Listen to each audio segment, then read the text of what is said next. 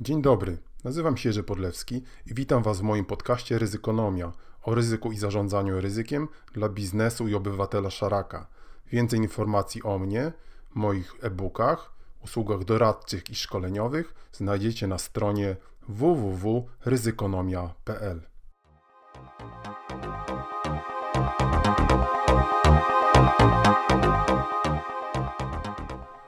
Dobry, dzień dobry, dzień dobry. Trochę nas nie było, ale już jesteśmy i mam nadzieję, że w 2019 roku już będziemy częściej. Wszystkiego najlepszego zresztą, tak przy okazji.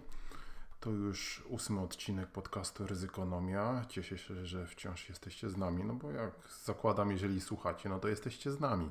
Oczywiście ci, którzy pierwszy raz słuchają podcastu Ryzykonomia, mogą obejrzeć poprzednie, o, posłuchać poprzednie odcinki, obejrzeć, jeżeli będą chcieli, też mogą. Mogą je posłuchać na platformach takich jak iTunes, na różnych aplikacjach dla Androida typu Spreaker, Stitcher, na Tuning, różnych radiach internetowych, na przykład oczywiście na Spotify. Mm, wystarczy wpisać w polu wyszukiwarki słówko ryzykonomia i tam wówczas powinien Wam się pojawić ten charakterystyczny kolorowy kwadracik. Subskrybujecie i już możecie słuchać na Waszych ulubionych urządzeniach mobilnych, na smartfonach, na przykład w samochodzie. Ja to często czynię, słuchając różne podcasty.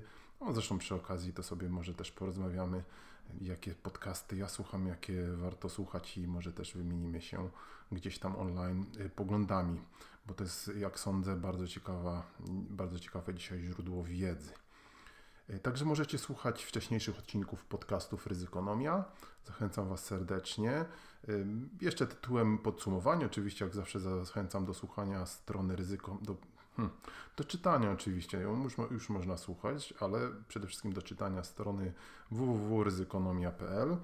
Y, tam kolejne ciekawe artykuły. Zresztą muszę Wam wyznać i zdradzić tajemnicę, że zaczęliśmy już pracę nad znaczną, fundamentalną przebudową tej stronki i myślę, że gdzieś tak w połowie lutego powinniśmy zobaczyć, powinniście też zobaczyć, jak ta strona będzie inaczej wyglądać. Będzie myślę ciekawiej i, e, i bardziej nowocześnie i w ogóle lepiej. Także, także, tak, także czekajcie, czytajcie nas ciągle, ciągle, bo będą oczywiście nowe artykuły. Zachęcamy też nieustannie do mm, odwiedzania naszego sklepu ryzykonomicznego. E, link oczywiście na stronie gdzie można ciągle i nieustająco nabyć nasze e-booki, już e, zbiór naszych e-booków ryzykonomicznych od, uwaga, 29,99 groszy. No to chyba niewiele, prawda? To jest jakiś zestaw niepowiększony w McDonald'sie, jeżeli ktoś bywa. Ja czasami bywam. W każdym bądź razie oczywiście zachęcamy do nabywania naszych e-booków, zachęcamy do zapisywania się również na newsletter Ryzykonomii. Na stronie nie będziemy Was spamować, e, myślę, że mogą to poświadczyć już ponad 600 subskrybentów, które ten newsletter od czasu do czasu yy, otrzymują, a zresztą jego też będziemy przebudowywać, tak jak yy, w ogóle nasz, nasz portal ryzykonomiczny. Także czekajcie, obserwujcie i zapisujcie się. Przełom roku jest tradycyjnie takim momentem, kiedy dokonuje się yy, różnorakich podsumowań tego, co wydarzyło się w latach poprzednich a z drugiej strony na początku roku pojawiają się też różne przewidywania różnych mniej lub e, bardziej znanych futurystów, co się wydarzy w przyszłości, w nadchodzącym roku. Muszę powiedzieć, że to jest dla mnie trochę e, intrygujące. Nie wiem, czy zwróciliście na to uwagę, że e, o ile w ogóle zarządzaniem ryzykiem mało chętnie się ktokolwiek zajmuje, bo właśnie tym argumentem jest często to, że nie można przewidywać przyszłości, to ten przełom roku jest jakiś takim, można powiedzieć, momentem, kiedy wszyscy zaczynają przewidywać przyszłość. Być może dzieje się to dla, dla dlatego że trzeba zapełnić jakieś kolumny magazynów, czy kolejnych drukowanych, czy jakichś stron internetowych, ale to jest taki moment, kiedy wszyscy rzucają się do przewidywania przyszłości. Nie żeby mówił to zazdrością, ale szkoda, że nie robią tego w ciągu całego roku, tym bardziej, że ta przyszłość wcale nie jest aż taka można powiedzieć, bardzo skomplikowana, bo to też jest chyba ciekawe, że te przewidywania przyszłości na początku roku to dotyczą często takich przyszłości strasznie jakichś science fiction niesamowitych, e, można powiedzieć, ekspansji sztucznej inteligencji albo jakichś globalnych zmian, nie wiadomo jakich fantastycznych, światowych, a nie próbuje się często przewidywać rzeczy, które są dużo łatwiejsze do przewidywania. W każdym razie i kierowała nam również tym właśnie przemyśleniem pomysł, czy stąd się wziął pomysł na, na, na, na nagranie tego podcastu, bo tak sobie pomyśleliśmy, że te ryzyka, które e, zrazu wydają się jakimiś black swanami, czarnymi łabędziami, albo chętnie są takimi nazywanymi, nazywane, często później okazuje się, że po roku wcale nie były takie trudne do przewidzenia. Oczywiście tu ktoś może argumentować, że to jest taka klasyczna pułapka mm, inwestorów, taka klasyczna pułapka, można powiedzieć, e, behawioralna, kiedy nam już po czasie wydaje się, że po, poszczególne wydarzenia były łatwe do, do przewidzenia. Ale z drugiej strony, jeżeli tak spoglądam swoje notatki i, i to, co, to, co pisałem, to, co różni inni analitycy pisali na temat, co się może wydarzyć w roku 2018, to się wydarzyły rzeczy, których się w gruncie rzeczy tam spodziewano. No i temu właśnie będzie poświęcony ten e, nasz dzisiejszy podcast, kiedy zrobimy sobie taką małą retrospekcję tego, co się e, wydarzyło w, wydarzyło w przeszłości.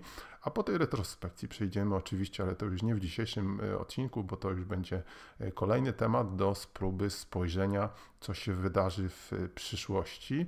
Niekoniecznie co jest jakimś czarnym łabędziem, ani e, od razu Wam zdradzimy tajemnicę, że nie posiadamy żadnej szklanej kuli, ani nie mamy ambicji przewidywać przyszłości w 100%, ale wydaje nam się, że jest sporo rzeczy, które nam się gdzieś tam całkiem z dużym prawdopodobieństwem może wydarzyć.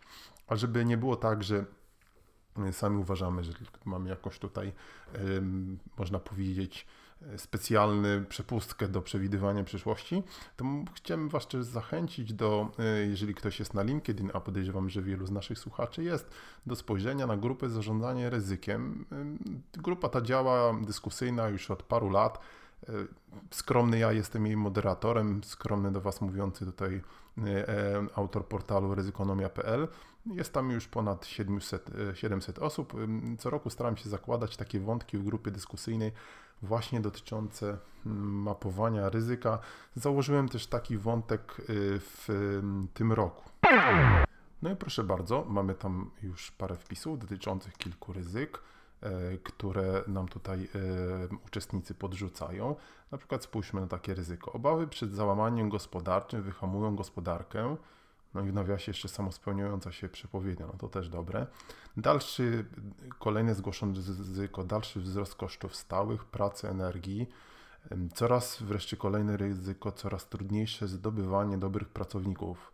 E, ale też ktoś widzi tutaj szansę dla siebie. No właśnie, to tak z tym ryzykiem jest, prawda? Czyli jeżeli mapujemy ryzyko, to zawsze staramy się spojrzeć na dwie strony ryzyka, bo to ma sens, bo to chodzi w zarządzaniu ryzykiem. Wcale nie chodzi o jakieś czarnowictwo, ale właśnie o maksymalizowanie naszych szans. Tak jak to ładnie mówi norma ISO 31000, zarządzanie ryzyku służy osiąganiu celów organizacji, prawda? No ale to jest prawda. To jest prawda, o to chodzi. Jeszcze inne ryzyko, presja na obniżanie cen usług. No właśnie, to też ciekawy temat. Inne ryzyka zgłoszone, spójrzmy, zabiegi protekcjonistyczne ograniczające swobodny przepływ towarów, ludzi, kapitału, bardzo proszę, świetnie. Wzrost cen energii, no ale przecież energia nie wzrośnie, nie, nie słyszeliście? Energia wzrośnie, ale nie wzrośnie. E, dzisiaj słyszeliśmy o szpitalu, który gdzieś otrzymał już rachunek 300% większy. No ale przecież energia nie wzrośnie. No ale zostawmy to na razie. Inne zgłoszone ryzyko malująca podaż pracowników, no właśnie, chociażby w związku z otwarciem e, rynku dla, e, dla pracowników z Ukrainy. No właśnie, czy to jest czarny łabądź? Klasyczny przykład. Czy to jest czarny łabądź? No nie wydaje mi się. Kolejne ryzyko wzrost kosztów pracy, możliwość, o i tu szansa, możliwość rozpędzenia koniunktury w wyniku inwestycji y, z Unii Europejskiej. Zawsze ta straszna Unia Europejska nam dostarcza jakieś fundusze, no już mogliby przestać i podejrzewam, że przestaną. Y, jakiś twardy Brexit i uwaga, to straszne słowo polexit, ale przecież jego nie ma być, nie będzie go, nie będzie. Mm, niespecjalnie. Uważamy, że to jest bardzo celna e, uwaga, być może naj, naj, naj, największe ryzyko, które może nas czekać, jeżeli nie w całym 2019, ale to już przechodzimy do mapy ryzyka. No ale jeszcze po, po, po, po, po spójrzmy, o ciekawe, zdrowie psychiczne społeczeństwa. No, bardzo ważne ryzyko, no, w końcu ludzie są najważniejsi polityka nad rachunkiem ekonomicznym. No tu mamy klasyczny przykład political risk, tak? No, o tym cały czas mówimy, jakie to jest ważne i przecież nie my to tylko zauważamy. Dużo szumów, planów, obietnic, yy, nikomu nie będzie się chciało sprawić i do, doprowadzić spraw do końca i tak dalej, i tak dalej. No widzicie, w każdym razie mamy cię tam więcej ryzyk. Oczywiście zachęcamy Wam, żebyście się sami dopisywali, bo przecież o to chodzi w mapowaniu, żeby właśnie zrobić e, burzę mózgów, żeby zgłaszać swoje ryzyka i żeby, e, żeby e, je dyskutować, bo, bo ta dyskusja jest chyba właśnie najważniejsza w zarządzaniu ryzykiem. Też zdradzę Wam kolejną tajemnicę, ale podejrzewam, że już do niej wcześniej doszliście, że właśnie samo, samo mówienie na temat ryzyka, dyskutowanie to już jest olbrzymie, olbrzymia część e, sukcesu.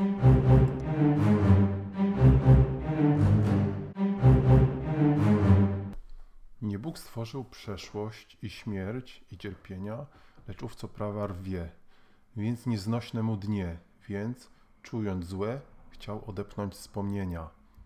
Ach, czy nie był, że, jak dziecko, co wozem leci, powiadając, o, dąb ucieka w lasu głąb. Gdy dom stoi, wóz z sobą unosi dzieci. Przeszłość jest to dziś tylko cokolwiek dalej. Za kołami to wieś, nie jakieś tam coś gdzieś, gdzie nigdy ludzie nie bywali. Nie wiem dlaczego ten znany wszystkim fraza o przeszłości, która jest, e, jak ktoś ładnie powiedział, Cyprian, dzisiaj tylko cokolwiek dalej przykleiła mi się do tego tematu naszego, bo temat jest dzisiaj rzeczywiście poświęcony przeszłości, co może niektórych zdziwić, no bo ryzyko, ryzykonomia powinna być tylko o przeszłości, o przyszłości, przepraszam. Ale oczywiście ryzykonomia jest bardzo mocno zakorzeniona w przeszłości, bo jak kiedyś mnie nauczył jeden mądry człowiek, w ogóle zarządzanie ryzykiem opiera się na jakichś takich, na jakichś takich, opiera się zasadniczo na trzech filarach. Jeden filar to jest ten filar, który dotyczy przeszłości, a więc y, można powiedzieć naszych doświadczeń. No bo tutaj znowu mamy przecież te truizmy, że ludzie uczą się na błędach. Jest taki, e, takie ładne powiedzenie, nie wiem czy chińskie, a może mongolskie, a może jakieś inne, a może polskie, które mówi, że mniej więcej to idzie tak, że człowiek sprytny uczy się na błędach cudzych, mądry na własnych, a głupiec nie uczy się wcale. No coś w tym jest, to uczenie się na błędach i dlatego jest to takie ważne w e, zarządzaniu ryzykiem, żeby spojrzeć na to, co się wydarzyło w przyszłości. Ach, to jest zresztą wielki problem właśnie z uczeniem się na błędach, bo przecież bardzo niechętnie po, pamiętamy na przykład o naszych porażkach i staramy się uczyć, uczyć na błędach, tylko na sukcesach i spojrzymy na różne portale internetowe, na półki księgarni, tam jest zawsze tylko właściwie same sukcesy wszyscy odnosili. No, tak, o, do tego tematu jeszcze wrócimy, bo on jest bardzo ciekawy. Tych sukcesów i porażek i na czym się powinniśmy uczyć, ale w każdym razie powinniśmy, powinniśmy spoglądać w przeszłość, bo to jest oczywiście fundament naszej przyszłości, tak? Dlaczego tak bardzo nie doceniamy historii? Przecież nauka historii jest być może najważniejszą z wszystkich nauk, bo nam pozwala, jeżeli rzeczywiście ją znamy, uniknąć błędów, które już popełniliśmy, a ciągle my tych samych błędów, my te same błędy popełniamy. Więc to jest na pewno bardzo ważny problem. Kolejny, y, kolejny fundament jest oczywiście teraźniejszość. No, teraźniejszość, wiadomo, nas interesuje. To są decyzje, które podejmujemy teraz, to, to, to jest to, co dzieje się teraz, to są wszystkie issue, kwestie, wydarzenia, incydenty, które się dzieją teraz. Wiadomo, koszula najbliższa ciału dzieje się teraz. Bardzo ważny fundament, ale oczywiście mamy też trzeci fundament, a więc przyszłość, to zarządzanie ryzykiem sensu stricte, które może, ale nie musi się wydarzyć. Jeżeli teraz spojrzymy właśnie tak z lotu ptaka, to bez mm, przeanalizowania tych wszystkich trzech elementów, całe nasze zarządzanie, no nie chcę używać słowa, że jest bez sensu, ale będzie bardzo nieefektywne, może być, można powiedzieć, kulawe i e, niekoniecznie osiągniemy rezultaty.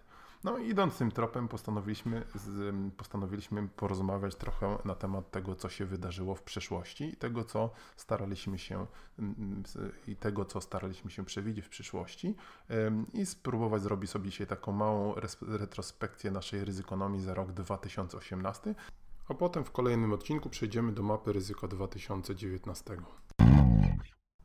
Ale może zatrzymajmy się jeszcze na chwilkę, bo kilkakrotnie tutaj padło słowo mapa ryzyka. E, słowo dosyć popularne, a może nawet można powiedzieć modne. E, cóż to w ogóle jest mapa ryzyka? Mapa ryzyka e, jest to takie narzędzie wizualizacji naszej, wyników naszej analizy ryzyka Mm, często jest mylone z jakimś cudownym narzędziem, które samo w sobie dostarcza jakiejś informacji mm, odnośnie ryzyka, ale tak rzeczywiście to jest narzędzie przede wszystkim wizualizacji ryzyka w dwóch, dwóch można powiedzieć podstawowych wymiarach, y, którymi staramy się zmierzyć ryzyko, a więc prawdopodobieństwie wystąpienia i e, skutkach e, wystąpienia tego ryzyka. E, zazwyczaj te mapy ryzyka są kolorowe, takie jak światło uliczne, czerwone to duże ryzyko, żółte średnie, zielone, małe. Ma to swoje, mają te mapy ryzyka swoje wady i swoje zalety, ale to nie będzie dzisiaj przedmiotem naszych e, rozważań, może to, e, może to następnym razem. Innymi, inna sprawa, że to słowo jest dosyć popularne i tak jak powiedziałem, dobrze się przyjęło i chociażby dlatego my również używamy tego słowa mapowanie, aczkolwiek nie jesteśmy, wyznamy, zresztą może już o tym kiedyś mówiliśmy, specjalnymi fanami tych map ryzyka. Jako takich, ale jesteśmy bardziej fanami idei e, analizy ryzyka. A jeżeli to możemy nazwać mapą ryzyka, to dlaczego nie? No więc my mapujemy te ryzyka już od, jak wspomnieliśmy, od e, ładnych, e, możemy powiedzieć, początków naszego bloga, a więc e, Ryzykonomia, więc, który przecież to już był 2009 rok, a więc prawie 10, 10 mm, lat, więc mamy pewną taką komfort, że możemy sobie albo i dyskomfort spojrzeć do, do tego, co o ryzykach pisaliśmy na początku roku i spróbować sobie to w jakiś sposób porównać, czy rzeczywiście mamy szklaną kulę, czy nie, chociaż nigdy takich ambicji nie mieliśmy. W 2018 roku, jeżeli spojrzycie, możecie to łatwo wygooglać w wyszukiwarce, czy spojrzeć na, na historię naszego bloga. Postanowiliśmy spojrzeć e, na ryzyka w sposób taki całościowy, holistyczny, e, lateralny, a skoro tak, e, no to dlaczego nie posłużyć się mm, takim rozwiązaniem, które zaproponował kiedyś maltański socjolog, lekarz i psycholog chyba też, Edward de Bono, E, który zaproponował taki pomysł, e, abyśmy dla analizy takich e, różnego rodzaju wielowątkowych, wielopoziomowych problemów używali wkładali pewnego rodzaju myślowe kapelusze, tak, żeby spróbować spojrzeć na ten sam problem z wielu różnych, z wielu różnych punktów widzenia i to chyba doskonale e, oddaje tego, z czym mamy dzisiaj, e, tą sytuację, z którą mamy dzisiaj w stosunku do ryzyka.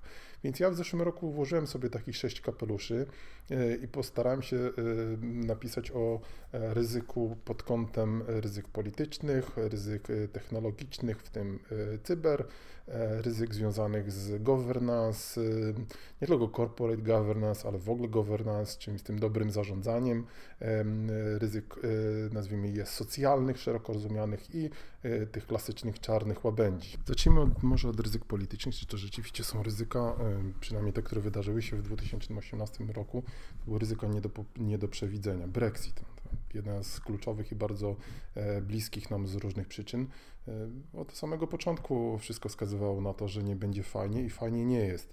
E, szykuje się ta najgorsza wersja, wersja hard Brexitu. W marcu ona prawdopodobnie nastąpi. Nawet ostatnio słyszymy z mediów, że w samej Wielkiej Brytanii większość zyskują już w sondażach przeciwnicy Brexitu. Czy to było ryzyko nie do przewidzenia? Wszystkie analizy powiedziały, że nie będzie dobrze i nie jest dobrze. Kolejny przykład y, ryzyk politycznych, które można powiedzieć mają charakter samosprawdzającego się proroctwa, to wszystkie kwestie związane z amerykańskim przywódcem, przywództwem w, światowym, czy się to komuś podoba, czy nie. Wyraźnie Amerykanie idą w kierunku polityki bardziej i izolacjonistycznej, w kierunku również nawet pewnych wojen handlowych z Chinami. Czy to można było przewidzieć, e, już nie wchodząc w ocenę? Oczywiście jest to zgodne z zapowiedziami lidera amerykańskiego Donalda Trumpa, który o tym mówił już w kampanii, w czasie swojej kampanii wyborczej. Chiny też realizują bardzo konsekwentnie swoją e, politykę e, zajmowania tej próżni, którą zostawiają po sobie Stany Zjednoczone, wszystko zgodnie z zapowiedzią. Zresztą a propos Trumpa, to gdzieś mm, wygrzebałem taką jego wypowiedź z 1987 roku, a właściwie płatne ogłoszenie, które on zamieścił w pewnej gazecie i w tym płatnym y, ogłoszeniem on y, pisał, że mniej więcej tak, że świat śmieje się z nas, gdyż ochraniamy naszych sojuszników, którzy wcale nie chcą być ochraniani i nie chcą za to płacić. Mm, Także to też wszystko było właściwie do przewidzenia. Więc y, jak tu można mówić o jakichś niezapowiedzianych ryzykach? A już tak bardzo blisko mamy trwający e, i pogłębia- pogłębiający się konflikt z Unią Europejską. E, Znowu od samego początku wiele osób y, wskazywało, że jest to, e, że jest to bardzo duże i rosnące ryzyko. Sam w zeszłym roku napisałem taki artykuł dotyczący właśnie ryzyk związanych z wdrożeniem artykułu 7. Pojawiły się potem jeszcze problemy z em, Trybunałem Sprawiedliwości Unii Europejskiej.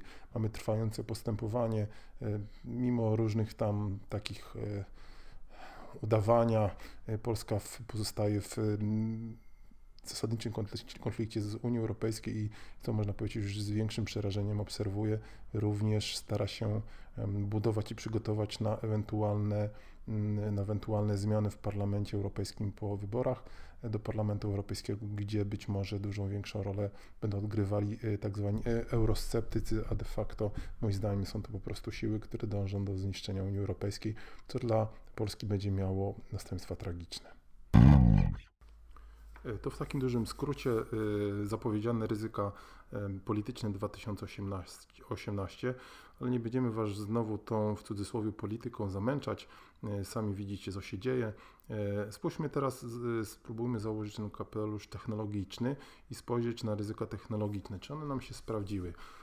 Może zaczniemy od tej mitycznej sztucznej inteligencji. No, w 2018 roku nie wynaleziono sztucznej inteligencji, nie, nie, zrealizowały nam się y, zapowiadane nieustannie y, zagrożenia o, o buncie robotów, ale być może mm, nie, nie, z jednej strony nie warto tego ryzyka demonizować, ale z drugiej strony ono ma na pewno bardziej długoterminowy charakter.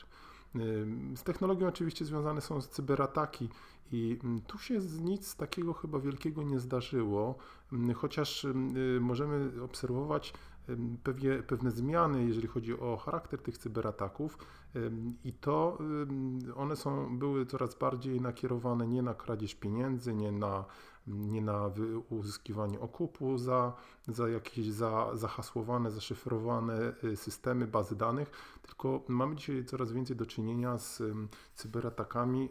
Nie bójmy się o tym, tego powiedzieć, bardziej o charakterze sponsorowanym przez, przez, przez państwa, przez, przez tajne służby. Dowodem na to mo- może być bardzo, bardzo znana i szeroko dyskutowana ostatni atak na, y, na sieć rezerwacyjną, y, sieć rezerwacyjną y, hotelów, hotelu sieci, sieci, sieć Marriott International, a mianowicie na, na nabytą y, przez Marriott International sieć y, Starwood, z której skradziono, mm, jak czytamy w źródła, 500 milionów, em, 500 milionów rekordów, czy 500 milionów, dane dotyczące 500 milionów em, ich gości. E, Ciekawa sprawa z tym związana jest taka, że mm, jak, e, jak donoszą różne źródła, te dane nigdy nie pojawiły się w, na, na takich czarnych rynkach, w darknecie, w tym takim przestępczym internecie, y, co mogłoby świadczyć, że one nie zostały ukradzione w celu, w celu ich sprzedaży, tylko w celu ich wykorzystania przez, przez różnego rodzaju służby. Ciekawa jest też taki artykuł, duży ukazał się w The New York Times, polecam go. E, Łatwo go można wygooglać. E, Gdyby ktoś potrzebował linka, to proszę e, napisz, e, napiszcie do mnie na, na blogu. I The New York Times między innymi zwraca uwagę, że o dziwo nie, bardzo nie zaprotestowali tutaj sami Amerykanie, a chociażby z tego, podo- z tego względu, że również sami Amerykanie, same amerykańskie służby takie dane pozyskują. Więc y, można powiedzieć, że tutaj nam y, pojawia się zupełnie nowy rodzaj y, cyberzagrożenia i pewnie mm, konieczność spojrzenia na, na cyberataki, na, tą, na te nasze dane personalne zupełnie z, innej, z innego punktu widzenia, bo można się zastanowić, czy w obliczu mm, takiego rodzaju źródła cyberataków, których są są służby same państwa, jesteśmy w stanie te swoje dane personalne obronić.